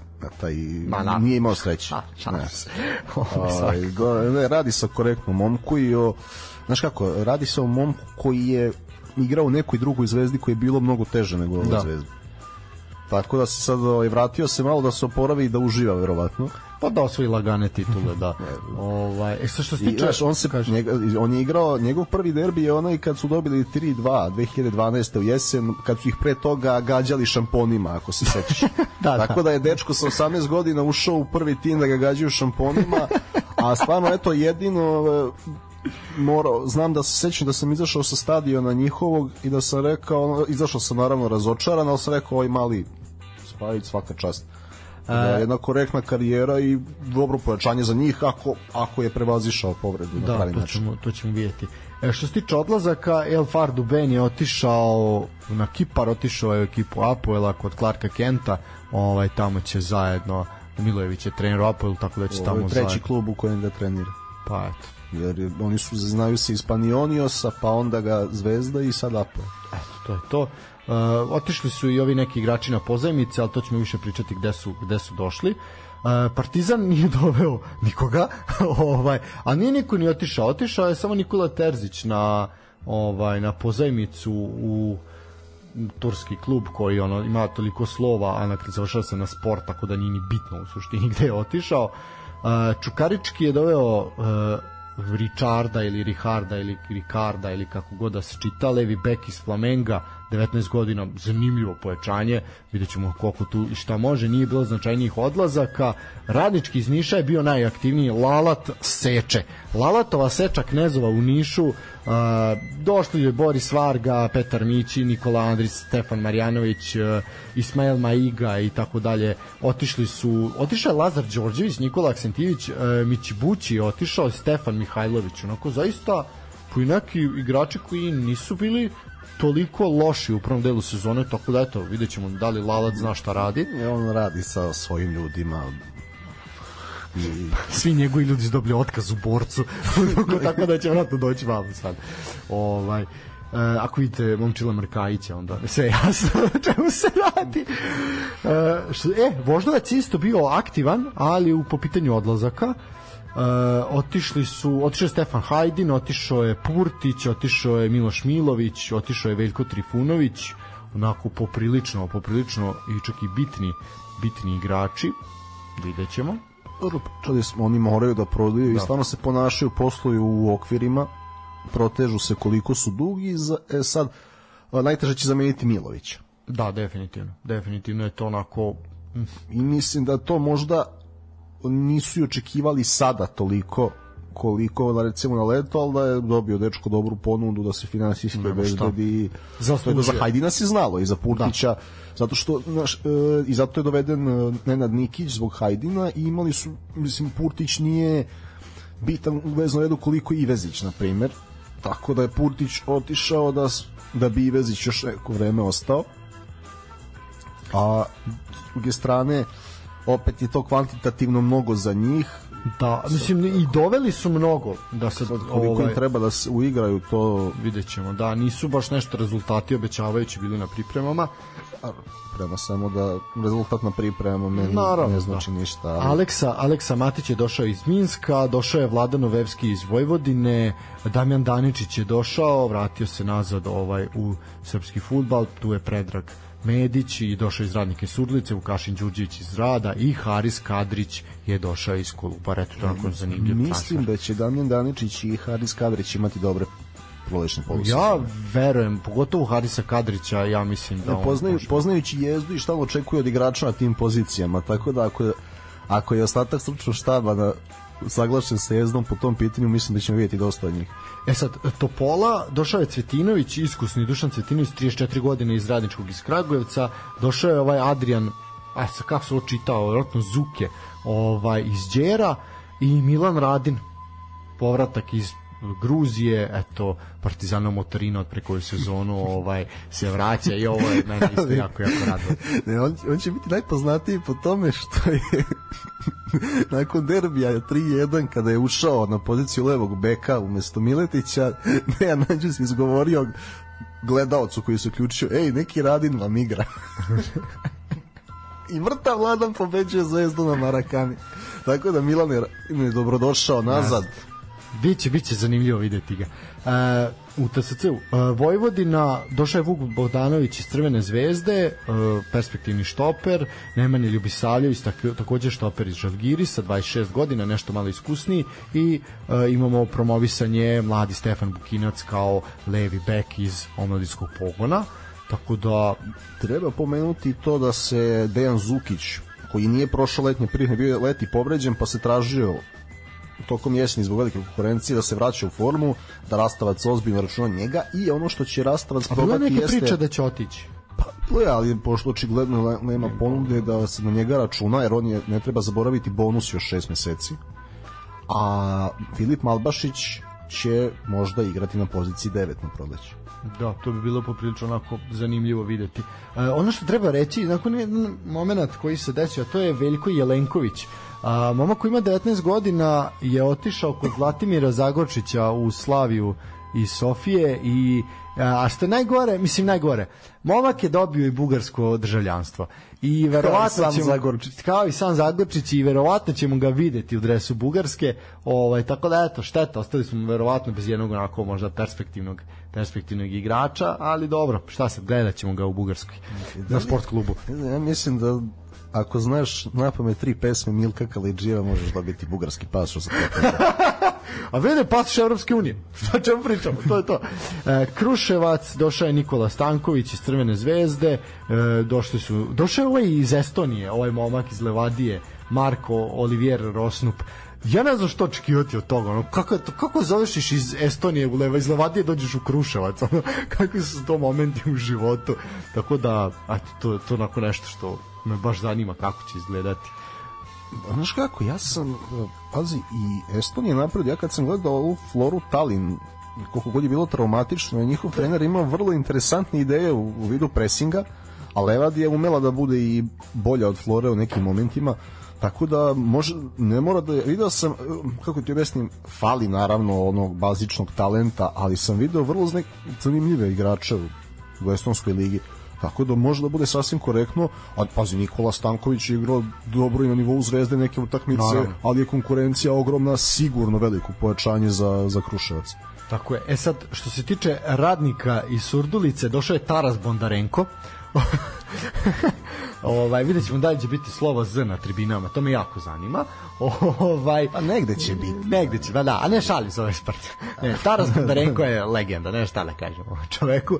E, došao je Andrija Radulović. E, vidiš, što je na primjer zanimljivo. Iz Gata je otišao, mislim, ponovo na pozemicu u Surdulicu, to je poprilično zanimljiv transfer. E, mladi Uroš Lazić, takođe iz Crvene zvezde, i Milan Makarić se vratio, to su ono što smo i objavili, to moramo malo prokomentarisati. Pa ova četiri pojačanja su ti jasan znak da, da je cilj da radnik ostane Naravno. i pazi Milan Makarić ko, možda se, znaš kako je delovao je fizički spremno dok je bio u Danskoj prva sezona korektna onda Da, se malo 11 izgubio. golova, da, i mislim da znaš kako tamo intenzitet dosta visok. Mislim da je on spreman ako je fizički spreman znamo šta može u ovoj ligi i da je to dovoljno da ih ostavi sad da li će da izbegnu i play out Teško, to da. ne znam, ali- ali opet dovoljno je da izbegnu direktno ispadanje i da budu favoriti u play-out. Tako je. Plus, znači, samo sa njim, plus Bondarenko i dva mlada momka, Radulović je jedin, praktično je sam nosio gat koliko je mogao, donosio neke bodove i sad otišao na pozemicu kod direktnog konkurenta za opstanak. Da, vrlo, vrlo, mislim, tehnički on se vratio u Crvenu zvezdu, zatim Pa, otišao, jel da? jasno. Ova, e sad, e, ono što se tiče odlazaka, treba samo reći da je mladi, mislim, ne sa- mladi, Miloš Spasić, 25-godišnje krilo, otišao za 130.000 u Kišvardu, eto, nešto je radnik i zaradio, e, otišao je Viktor Lukić, onako ima tu nekih Vasilije Janjić, Siniša Babić na primer, otišao, tako da ostao je radnik bez nekih igrača. E, onda dolazi klub koji se, malo ćemo mu više posvetiti vremena, jer je to u pitanju klubara iz Lazarevca. Šta su ljudi pokupovali, to nije, to nije baš E, a zamerit će slušalci da, da mnogo ovaj, favorizujemo klub. Ne, ovo nije favorit, ovo je, ovo je fenomen. ovo nema nikakve veze s favoritima. Ja pitanje je šta će oni biti, da će uopšte biti igde favoriti sa ovakvim timom. Ali pazi ovako, došao je Slobodan Simović, pazi godine, 33 godine Kišvarda. Dražen Bagarić, 30 godina iz Honke, čovjek nema ozbiljan, ozbiljan prvoligaški futbol tokom cele karijere. Došao je uh, Abdul Zubariju, 24 godine, kaže da ih ima, mada ne deluje tako iz Nigerije, igrao za Zrinski Mostar. Došao Mehmet Ćosić, 25 godina, desni bek, Velež Mostar. Došao je Donald Mols, ovaj kamerunac, došao je Zoran Gajić iz Pjunika, vratio se, došao je Srđan Kočić iz Napretka i došao Ilija Miličević, eto jedan e, bonus, e, centralni bek iz Metalca i Marko Mrkice vratio je to desno krilo, bio je čovjek bio čovjek slobodan, slobodan agent. A, šta me zanima? Pošto, Ivan Tatomirović, eto to nisam Dobro, to da. je posvećeno. E, to ja mislim da ću instalira menadžer osmicu ovaj, zbog da sad dođem kući. Pazi, realno, da se mi sad malo manje sprdamo, Kolubara bi menadžer osmicu s ovom ekipom, vidi, kupo F-a lagano bi uigrala. Ali, znaš šta, ti si bio tamo. Evo, ja sad jedno pitanje za tebe. ne, mi moramo ići tamo ove sezone, ovo se sve govori Ne, da... s obzirom na uh, broj igrača koji je stigao iz Bosne i Hrvatske u Kolubaru, da li predsednik Kolubare drži Titovu sliku? Ne, zapravo drži stvari. sliku Aleksandra Vučića. Tako da, da. Pa da, Dobro, svako ima svog Tita. pa da, ali neću ti sad verovati. A neću da, ne mogu, doći će čovjek u emisiju pa ćemo ga pitati. Neću. Znaš kao, vidi, možemo pričati, Tito je bio velik, sve to u redu pobedio u drugom svetskom ratu. Tito nije imao internet, razumeš? Vučić nam je dao više interneta nego Tito. Ja mislim da svaka rasprava gotovo. Šalim se, naravno. Ne, vidi, ovo, ovo sviđa mi se ova eksiju politika, moram to da priznam.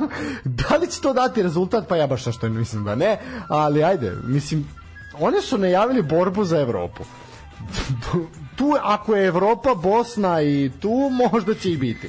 Ne, ovo je, Ne, ovo, je- ovo je spajamo. Prvih pet. Teško.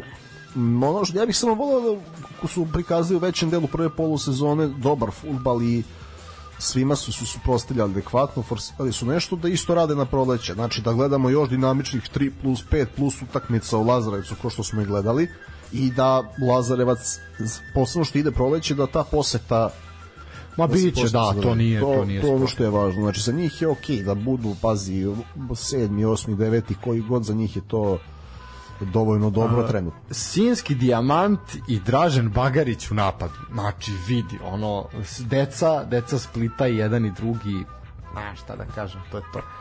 Ajoj Bože, ajmo dalje.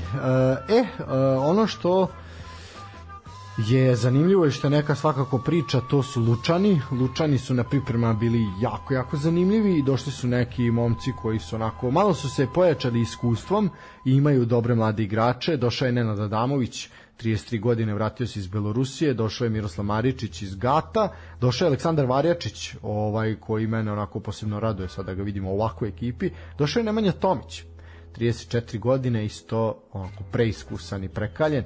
Uh, ko je još tu bitan? To je u suštini to, ove, što se tiče tih iskusnih igrača. Došao je Milan Marčić iz Javora. Eto, to na primjer direktno konkurenta su, su pojačali.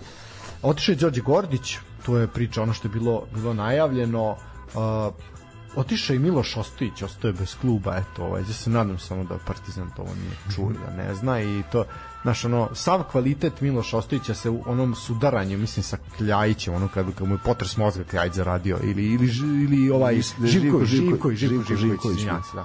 Živko Živko. E, tu je sva priča o, o Mil... i Bilja koja ga posle intervjuiše kako se ovaj osjeća posle utakmice, ovaj dečko ne zna da se nalazi. Katastrofa. Što se da. tiče Partizana, samo da Jojić ne potpiše i, i E, sve rekao je. Gordić, da rekao je Gordan Petrić da neće potpisati. Da, da, ali pazi, ono što je interesantno je bilo koliko su pojedini mediji poleteli vezano za ovog Kolumbica. U, to je ova priča. Da, da, da. A šta ti to govori? Da, to, a to ti isto kao Saša Sredanović, to je isto. Niko bre to, ali, mislim, ne, da, ali znaš ko nije poletao? Znači, što se tiče Partizana, evo, za slušalce, pošto znamo da ima ovaj, navijača Partizana, znači, dok Zoran Ivković iz Telegrafa ne objavi nešto, nemojte misliti da je čovjek došao u klub. Vidi, lepo je rečeno, nije zaleteo. Lepo je rečeno kako se spo, a to je ozbiljno bilo. Neko je rekao kako se sportski pozdrav nije zaleteo sa Sašom Sredanovićem. Ha, zato što smo mi znali, mi znamo da procenimo. I za tog lepog lica ču, grije se, jel? Tako Kako da- ono ima ona pesma Medenog meseca, ono ispod pa lepog ispod lepo lica krije se čarobnica. ne? Đavolica. Đavolica, ne, mislim, da, u redu. E, Novi pazar, ajde, to ćemo još kratko, došao je Sami Radovac, otišao je Mustafa Mujezinović, otišao je Stefan Lončar, Uh, biće to Petar Đuričković je došao biće, biće zanimljivo Pazar vidjet ćemo koliko može da opstane tu ono što je taj kapital koji je stekao u prvom delu koliko može u drugom Pa može da ga odbrani da bude među osam, ali da ne napada top 5, to je moje mišljenje. Ne znam šta ti misliš. Pa tako nešto. Ja, mislim da im je mesto u play-offu. Da, to je ono, to je to. Ali mislim da je jasno prvih pet, samo je pitanje kako će se poređaju. Odnosno 3, 4 i 5, ako mene pitaš. Mhm, ne znam. Mislim da neće izgurati toliko, ali ajde. Ima, ima jako puno da se igra, to je ono što... Ne, ne, jasno ko, kojih pet, samo pitanje je kako će 3, 4 i 5 da se poređuju, Da. mislim da je jasno ko je jedan i ko je dva. Evo, to, Ko je da, jedan je ne- najjasniji od prvog dana. da, da tu nećemo, jer ne znam koga vidiš da može da pomrsi račune Vojvodini, Čukaričkom i TSC-u Pa na tim mestima. Pa nikog. E, to. Pa da, tako, da. teško. Tako da, daj Bože da bude neizvesno i da gledamo Naravno, što, što da bolje ne. utakmice i da svima trebaju bodovi, jer znamo da ovde kad nekom ne trebaju bodovi, malo ovaj, E, dva leta su, dva čoveka iz, sa, uh, na letu iz Estonije su bila za Superligu Srbije, a pored uh, onog momka što je potpisao za Kruševac, koji vjerojatno još uvijek ne zna gde je došao, dovratio se i Milan Mitrović iz Levadije se takođe vratio u ovaj u srpski fudbal eto došao Radić iz Kragujevca 34 godine. Jako puno ovaj moram priznati da je premijerka Brnabić u pravu jako puno mladih ljudi se vraća iz inostranstva kod nas. Ovi su od 34 godine 33 34 to je to naš to je ovaj jako zanimljivo. Vojo Biparipi otišao iz Kragujevca otišao je nazad u Spartak. To je to gde je njegov prirodni habitat ovaj. e, znači, daj, daj pe, piši 5 plus golova na proleće. E, Gat je ponovo bio Gat je doveo opet brdo igrača mislim i tu je e, i Grabež i doveli su ovog e, momka iz Malme a ovog Amerikanca to će biti ovaj Roman Gal to će zaista biti zanimljivo za videti e, Saša Marković je došao iz e, Olimpijakosa iz Nikozije je došao u mladost Gat zaista onako vidi Zanimljivo, jako. Postoji čovek koji toliko voli da raspali po lopti. da, da, a toliko ne Ti samo, samo malo Žumeo, ono, pazi, dao je ga je Bešiktaš onako i, Jest, i da. Rubinu. Da. Ovo, ima to u CV-u zaista, ali sve ostalo drugi segment igre gledati Partizan sa njim u veznom redu je bilo, nije baš bilo jednostavno tih godina, ali, ali to ne, samo malo, znaš ono, kad igraš pes sa nekim, pa ako je vidi da si se malo otvorio, da si ispao samo od pritiska D na tastaturi. E, ta, tako, ovaj, i sali, malo ako vidi prostor, on je raspali, ono, a pazi, on se kao, kao klinac nadavao prelepi golov. Da. U Ofki vidi, ono, u Ofki ga je bilo lepo gledati, onako iz, iz kontre, znaš, kad vidi sa nekih 20 metara, baš se nadavao, pa i Galatas... Pazi, u CV-u imaš da si dao gol Galatasaraju, Rubinu i Bešiktašu. Pa vidi, to je ozbiljan CV. To je ozbiljna priča. Pa dobro, vidjet ću, mislim, svakako ozbiljno pojačanje za, Za Gato za, za ozbiljno. Gato ozbiljno. A, došao je Jovan Mituljikić, to ćemo isto vidjeti koliko on zapravo može, to je toliko pričan, pri, pričana priča o njemu i o bratu. Nemanja Milice, na primjer, vratio, to je isto zanimljivo. O, ali otišlo je brdo igrača, mislim, zaista ih neću sve čitati, ono, totalno je nebitno. A, što se tiče Javora, tu možemo kratko, došao je Milan Ilić, došao je Emerson Brito iz Gremija, oj, oj, kakvo pojačanje, i došao je Nemanja G. Miletić. Tako da Vratio se. Vratio se, da, vratio se Nemanja G. Miletić. Ja sam mislio da će da sam moje gledanje fudbala za mog života da je završeno, da on se više neće pojavljivati, ali nažalost hoće. Uh, I to je u suštini to. Mislim da sam manje više rekao sve. Mislim da mi je negde Spartak izgleda pobegao. Evo ga Spartak, ja se izvinjam. Da, Vojo Biparip, Edmund Ado. To sam ja pričao sa, kim sam ja pričao o Adom? Ko mi je bio tu gostima? A, bio je, da, bio je Ivan, ovaj, Ivan sa casual.rs. I moram to s tobom da prokomentarišem. Aj, objasni mi taj transfer. Kažu, ali, ne, Šerifa. ali je vest platu da Platu daje Gaga. Gaga Antonijević. A jedno pitanje, odakle Gagi Antonijević pare za to? ne znam, možda je dobio spor sa Bjelom ili... Pa ne ono kao, čovjek ima platu 12.000 eura mesečno i pla, to će dati Gaga Antonijević. Znači Gaga Antonijević će dati 12 puta 12, odakle bre ti novci, da, šta to, ja budem režiser, ono, mislim, šta? možda, možda je to ovaj, možda je skratio Vuka Kostić za sedmu sezonu ubica mog oca pa Da, prosledio da, budžet je ukino, razumeš, da. Ne znam. Tako da nećete saznati ko je ubio njegovog oca, tako da. Ne, vidi, ovo je, ovo je jedan transfer koji je meni neshvatljiv. Čovek koji igra u šerifu ligu šampiona prošle sezone otuko Znaš, najveća fora što je kao, da li će Ado doći u Zvezdu, dok je Da. Zvezda, dok je, znači, dok nije bio slobodan igrač, Zvezda ne može da plati to obeštećenje, pa se nateže sa šerifom i onda završava čovjek u Spartaku. Mislim, meni je drago za Spartak. Ne, svaka čast, Samo ono- ne znam, bit će lepo gledati ga. Pobeđivao Real na Bernabeu i sad dolazi u Subotic. I pazi, još se vratio Vojo u Biparit i samo, A, ja sve gori za samo da se vrati Slavko Petrović. samo Slavkan da dođe, znači, znači zamisli, a, taka, imaš takvog terijera u vezi i Slavko te motiviše. I o realizator, ono, ubica mekog srca, ovo je ubi pari. Strašno, ono. Ala bož, sačuvaj, znači, katastrofa. A ne vidi, neko mi je rekao kao naš, ali to je kao zvezda dala pare da on dođe tu, da ga oni posmatraju godinu dana. Ma daj, to ono je kao, aj, nećemo teorije zavere, razumeš, zaista. A sad bi bila fora da kao, kao jedinstvo sa UBA, što nisu dali ovog momka, što su tražili 2 miliona, da sad Sparta kaže, ok, može, ali milion. Jel tržišna vredna milion? Milion. E, to bi onda bila prava stvar. Kao što Ja, jedinstvo ja- nije dalo za 2 miliona. Ja im to i želim. Naravno. I da To je ono što nam treba. svakom klubu, svaki klub da zaradi Jer, gledaj, ljudi ne razumeju da ti kad imaš uređen futbal zapravo imaš uređenu državu. To sad zvuči ovako... Ovaj, Kad vidite našu ligu, jasno. Jel? znaš, jer futbal je um, u solidnoj meri odraz stanja u društvu, odnosno futbalska liga i način na koji je uređena budžeti, porezi i finansiranje futbalera. Znaš, jer na primjer u Nemačkoj nema prezaduživanja kao što ima u Španiji samo da bi se bi- bilo prvak. I to je jedno društvo, ovo je drugo društvo.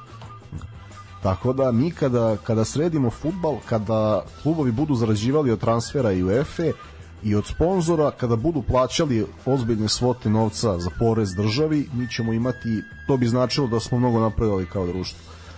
Tako da to je to. Ajde, ovo, ćemo, Ćemo onda prognozirati. parove, ono Da, tradicionalno. parove, parove prognoziramo, ovaj, pa ćemo onda imamo jednu priču zanimljivu još iz Francuske i onda ćemo završavati za večeras. Uh, ovako, uh, počinje znači 3.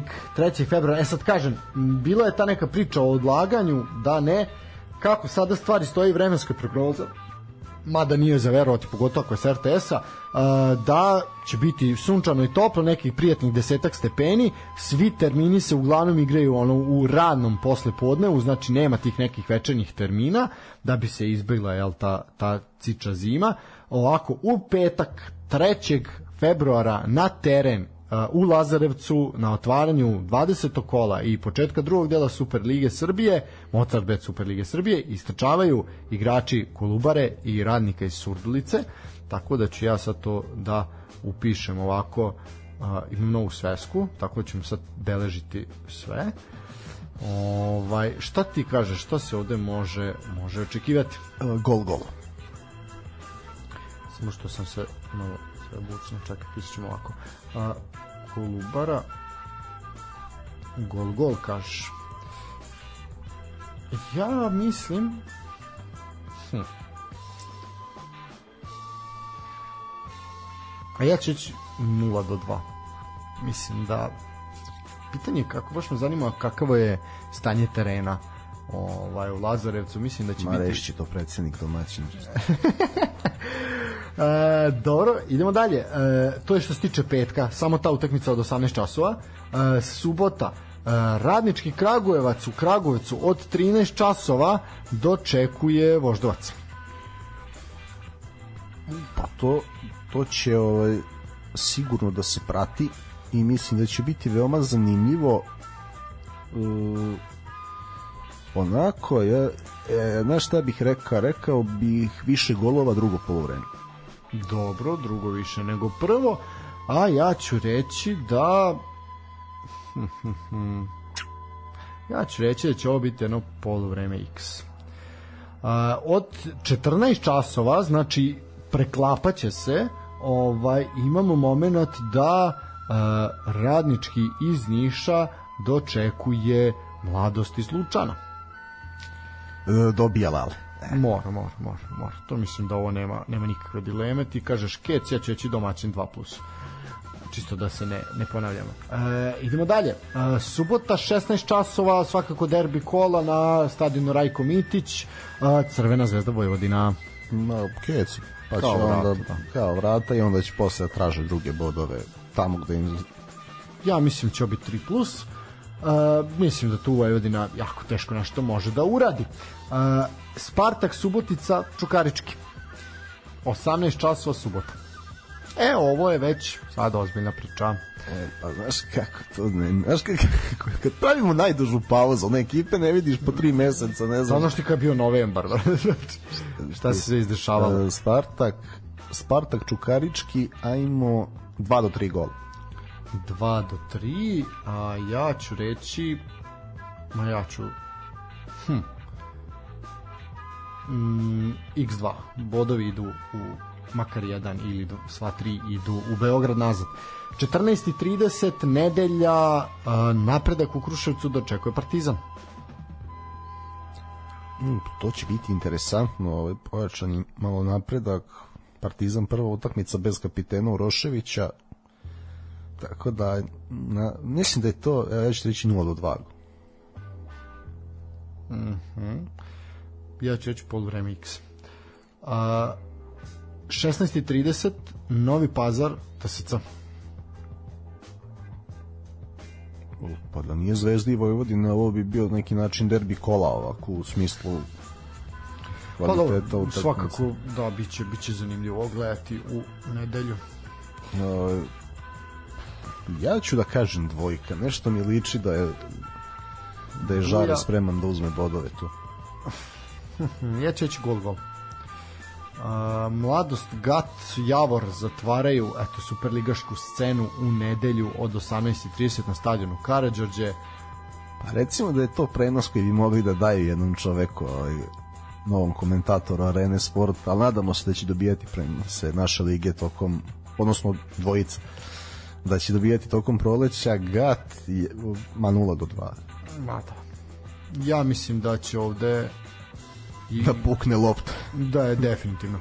Ovo je PX, vidite, zvoni. A, dobro, to je to. Ajmo na pesmu pa ćemo onda pričati malo, malo o tome šta se dešava trenutno u Francuskoj ligi. Malo ove novine, ovaj pričamo malo o Evropi. E, slušamo slušamo zabranjeno pušenje. Uživajte. Četvrta je Botswana za koju nastupa Mao Toan. Mota Mao Toan, no, kako ima i prezime. Baš bih volio čuti stranice kako bi ovo govorio.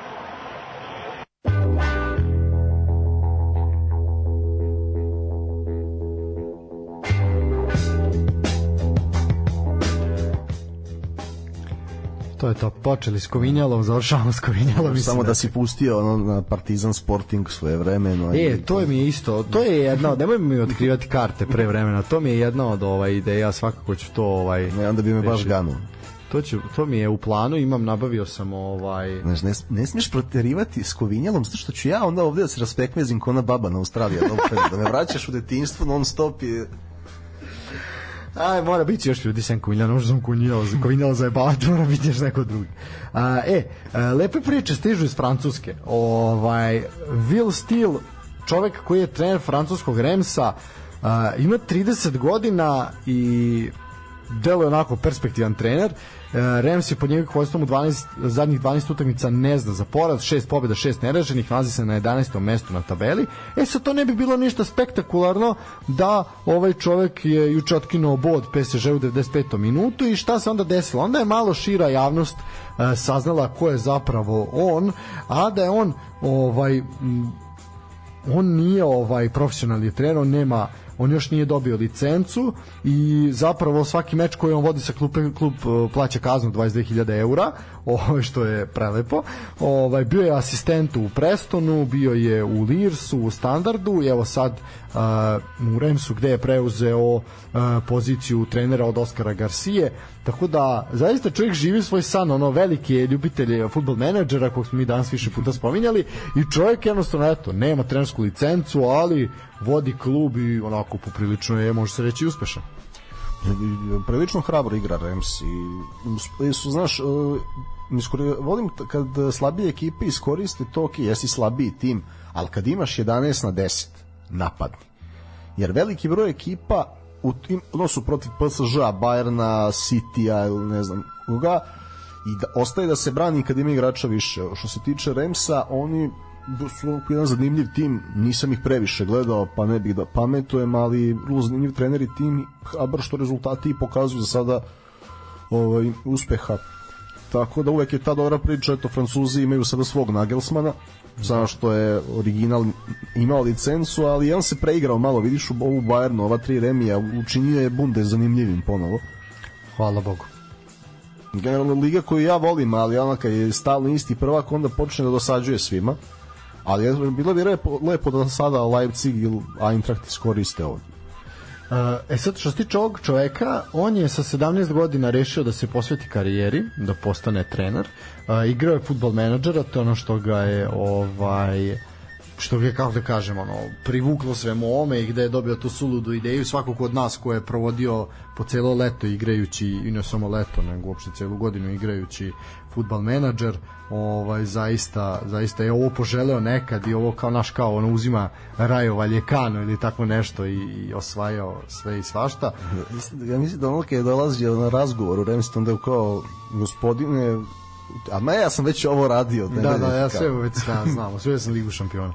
Ovaj, uh, no kao čovjek je, mislim, čovjek ima 30 godina, ono kao, to je to naš kao fantastično. On ima zaista, mislim, nešto slično je pokušano u Miljakovcu, ovaj, gde Vuk Petrović ima ovaj taj momenat da je najmlađi trener ono sa profi licencom, ovaj što je super i ono on pred njim je karijerom dečko ima koliko 19 20 godina što je vidi to je to znači on ima svo vreme ovog sveta kao i ovaj gospodin kao i Jezdimir Nedeljković bonus u stručnom štabu voždaca da, da, čovek koji vidi toliko mlada, toliko iskusan A, nema šta, kažem jedino klub plaća ovu kaznu, ali očigledno im se isplati, tako da svaka čast. A ti meni reci sad kada ovo priča o menadžeru i to, koga si uzimao ono kao, koga si trenirao i vodio tokom godina igranja futbol menadžera? Au.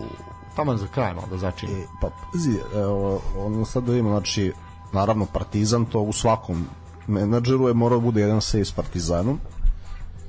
Da, ako nije bio sve s Partizanom, nismo overili menadžer. Tako, To to, da. e, FK Novi Sad u menadžeru 08 u drugoj ligi, da se vraćamo u prvu. Prvi strelac mi bio Miloš Bogunović. Dobro, Dobro. Znači, ja, domin... Miloš Bogunović i Marko Furtula, znaš kakva dominacija. Znaš, u 0-8 sam ja vodio, aj pored Partizana, vodio sam Voždovac. I to ovako, ja moram da ispričam. Ovo je priča na koju ja nisam ponosao. Slušajte ovo. Žika Milak, ovde je neka, mnogo puta bio gost, bit će opet, hvala Bogu, trenutno je na Ostrogu. O, ovaj, da, ne, ništa ne pitaj, samo ništa ne pitaj. ovaj, samo ne možeš pitati. Čovek i ja smo došli, otišli smo u popularnu diskoteku Nox u Sremskoj Mitrovici, neka ciča zima, Jay je pevao i ono kao, videli smo da mi šta mi ovde tražimo, ovo nije mesto za nas, što bi rekli ovaj kud idioti. I Žika i ja smo ostavili te devojke tamo prisutne koje su ono došle manje više zbog nas, a i mi zbog njih, ostavili njih same ovaj u izlasku, a nas dvojica se vratili u sobu našu u domu i upalili laptop i počeli igramo menadžera 2008-icu. Ovaj on je uzeo rad, jel kao prikriveni ovaj neonacista. ja sam uzeo eh, Voždovac. Ovaj i nećeš i naravno naš ovaj Dragoslav Dragi je uzeo uzeo Zemun i mi smo krenuli u drugoj ligi Srbije. Ovaj i celu noć smo igrali menadžera, došli smo, znači prešli smo celu sezonu od priprema do sve sve sve i ja sam do- bio najbolje plasiran, bio sam tipa treći ovaj igrao sam protiv borca i on igrao sa onaj play uh, play-off za ulazak jel, u Superligu, ali se onda moralo da se odigra i utakmica nakon što pobediš tamo dve ekipe, onda moraš da igraš i sa onim ko je bio tipa treći od nazad u ovoj ligi, mislim, je. ono, i tu me sačekao borac iz Čačka i ono izlupao me ko budalu, tako da nisam ušao sa Voždovcem u Superligu Srbije, a samo će reći prvi strelac ekipe Nenad Ćelavi Mirosaljević, to je to, kraj, to, sve, legend, legend. Ajmo dalje. Ima se, ima neke tih ono kao egzibicija, ono kad ću krenemo od najniže lige pa da ga Fleetwood Town. Gled, gledao sam na Božić 2012. Fleetwood Blackpool u kojem je igrao Jeremy Vardy za, za Fleetwood. Iako je to Fleetwood izgubio 5-1, Vardy je tu odskakao, jako je, pa ajde, koji su pet, ajde uzem, da krenem svakako da sam mislio krenem konferencije, pa ću da uzem njih zašto igraju danas. Tako da, eto, Fleetwood je bio interesantan, Uh, kažeš ti, i sad šta je još bilo, čekaj, čekaj. Ja sam od nižih krenuo sa Notts Countyjem i krenuo sam sa Hajdukom iz Kule, a to su ovi neki novi menadžer, tipa 2018. ili 19. Ovaj, tu sam krenuo sa Hajdukom iz Kule, a imao sam neki peč sa tim onim bukvalno najnižim ligama i onda sam tu krenuo, ali ono, što je to deveti rang takmičenja. I proletar sam vodio kad je bio u drugoj ligi u nekim A, to, menadžerima. to je zanimljivo, to je zanimljivo. Ovaj, šta se još zanimljivo? Da sam naj, svoj najveći trenerski uspeh smatram povratak titule na Poljud, ovaj gde sam doveo 13 slobodnih agenata, ovaj nisu imali ekipu 2017. godine i sa Đorđem Ivanovićem u napadu sam osvojio titulu. Evo nam to govori koliko je ovo nerealno. Tako da, deco, to je samo ovaj. Jesi imao one momente kao, znaš, ono kao igraš, mislim, svi smo ono, i osvajali Lige šampiona i te stvari, ovaj, svi imamo te momente, ono kao, sad kao, znaš, kao, danas, sad sam sačuvao, večera sam završio, sutra ujutru igram i ono kao, sidim da se sredim, stavim ono, malo parfem i sve, jel igram finale Lige šampiona, ono kao, lepo oblačenje i, da, deranje to, na ne, bilo je to, ovaj, ti si, kad, u menadžeru 8 si bio prisutan kad sam ja bio prvog Da, sveta da, sa da, Srbijom. toga, da, da, Ali da, to je neverovatno, mislim, ocene u kom su u tom, u tom menadžeru imali Nikola Žigić i Zdravko Kuzmanović. To je Zdravko Kuzmanović, ono, tipa, Šlaren Sedor, Ne, jebi ga. pazi, pazi, ono Zdravko Kuzmanović treći u izboru za zlatnu loptu. znači, ali nešto se meni dešavalo, meni se dešavalo, na primjer, kad vodim, neko, uzmem neki hetafe u Španiji, tada se Ike Čuk vuče, sam uzimao hetafe, na sredini tabele i pokušaš da guraš gore do, do prva četiri ako možeš, i sad, ja ovaj, sa Hetafeom se borim za top 4 ovaj, prve sezone budem peti i sad ide ono kao letnja pauza gledaš koji ti igrači igraju evropsko prvenstvo i olimpijske igre. I evropsko prvenstvo znači ne vodim ja znači autosejvu Evropsko prvenstvo osvaja Srbija 2008 a koje se inače nije plasirala, da. nego u tom momentu ulaziš u save gde su neke kvalifikacije i Srbija je treća u grupi i onda pobedi sve redom do kraja kvalifikacije i osvoji evropsko prvenstvo. To je to. To je to. Sve je rečeno. I, ali ko, i taj nerealni save je vratio Matiju Kežman u reprezentaciji. To se sećam da u, u menadžerima zapravo nije igrao u svakom menadžeru ga vrati. Kao. Na šta sam ja ovaj, na šta sam ja radio? Ja sam doveo Daniela Ljuboju u Partizan i tipa igrao sam, igrao sam neki nokaut kupa UEFA sa Romom i tipa Dani Ljuboje u 120 minutu postiže pogodak do totalnu rapsodiju mene nerealnog. Osvojio kupu UEFA i ne sjećam se sad više protiv koga u finalu i sećam se finale Super Kupa protiv Juventusa. 0-0 i Marko Leukemija Jovanović skače i daje gol. Ja gotovo, ja vrištim, urlam nimi dobro, ono sve povlačim nazad sve sve gotovo, zatvaram i osvajam i ulazi ono kao zapanjeni roditelji šta radiš, jesi normalan? Da. ja, a mi gledaju, a ono kuglice šutiraju neku lopticu. Kao, da si ti retardiran? Šta ti dečko radiš? Ono kako je to igra? Ali to je ludilo, e, možeš da se setiš koji je bio prvi menadžer da si igrao i prvi klub da si vodio prvi klub je Partizan u menadžeru 2006.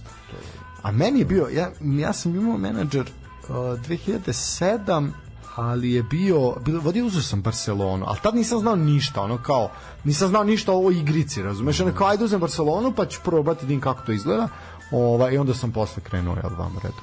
Tako da to je, bilo je dosta, dosta liga sam tako prelazio ove raznih Nije me privlačilo uzem klubove iz Grčke, Turske i to, ali ovo recimo o, lige, lige petice, Holandiju, da, imao da. sam ovo, tako, koga sam, uzimao sam Twente, onda zato što je Tadić igrao kod njih, Uh, šta je još bilo, ali da, znaš šta je, malo je futbol menadžer 12 bio lagan, ono da Pa jeste. Taktiku da, te, da si se svakim skoro mogao napraviš rezultat, ako si Iole, ako Iole si se ono bavio kao taktikom toliko meča, da ne pustiš da te baš hoće i onda uh, u nekim vrlo ranim sezonama s Partizanom sam došao do finala Lige šampiona, ali kako? Pošto ono, ajde kao u jednom sevu sad ću da probam, ajde kao svako sam prvak Srbije, već imam 15 bodova više, Ove, ove, slučajno sam prošao neku slabu grupu Lige šampiona Dinamo Kijev i neki tako tim. I sad kao idem na Barsu s mini finala. Barsa, Messi, Da, uvek te zvekne taj jak ne, tim. Da, ono, i, da, i sad razmišljam, pošto su me u prvoj sezoni ono dali mi ne znam 7 golova rekao ajde da prvo da igram bunkeru menadžeru da vidim da li je kako to izgleda kad je, ali ne ono e, da ti se ekipa povuče, nego izlaziš na teren bukvalno bez špica u 5-5-0. Da, da. Znači, full back, wing back, tri štopera i tri zadnja vezna. I da vidim kako će, da li će Barca da me probije. I... Uh, Ilija Petko i stili si. bukvalno. Ajde pro, nešto je fora i to krene da prolazi. Ali je, bilo je malo bez veze, onako ne primiš gol, ne primaš gol, oni kao kruže, šutiraju preko gola i ti samo umesto tog jednog zadnjeg veznog ubaciš jaju sa noga u špica da imaju u drugom plemenu kome da guri dugu loptu i završiš 1-0 jaja sa nogo kraj. Ne znam, gubiš u ligi 2-0 od Javora, ulazi jaja sa nogo 5-2 za da, Zašto smo svi dovodili jaju sa noga? Što je bolesno bilo, a mogo si da ga dovedeš. Da. A doveo sam Veratija iz Peskare. Znaš, a, vidi ovako, samo ću ti reći, Filip Mekses, u poznim igračkim godinama i Thierry Henry je završio karijeru u Partizanu, tako da to je to. Ono, znaš ko vidio, slobodan igrač, da, ko ne, ne treba, da, da, ono, kao sve vraća. Da ne pričamo o našim vedetama, naše ligi, tako da. Imao sam ovaj... Veseljka Trifunović. Legend. A, I onda, i šta se desi, onda su to je bilo u srednjoj školi. I onda mislili u razredu da lažem. Onda je morao da dođe jedan kod mene kad sam već igrao finale s Realom da da vidi kao da li je to evo ok, ako se evo sam do finala dođi da vidiš. I ja stavo, stvarno stavim opet tako i Real šutira, šutira, šutira o, ko, je, ko mi je branio? Stojković mi je branio. I ovaj, inače Nikola Aksentijević i Lazar Marković su bili mnogo dobro urađeni od tim ovima. Pa čak, evo ja sad trenutno igram 2020 kad imam vremena i tu je Lazar Marković i dalje odličan. Ali Nikola Aksentijević koji posle završava u Arsenalu, prodajem ga ne znam za 15 miliona. I pazi ovo, i strči Volkov kontru i Pepe napravi penal. I pazi, sad 1-0 finale iz penala za mene je strelac iz penala Marko Simić. Znači sadašnji reprezentativac Crne Gore i bivši igrač Batea.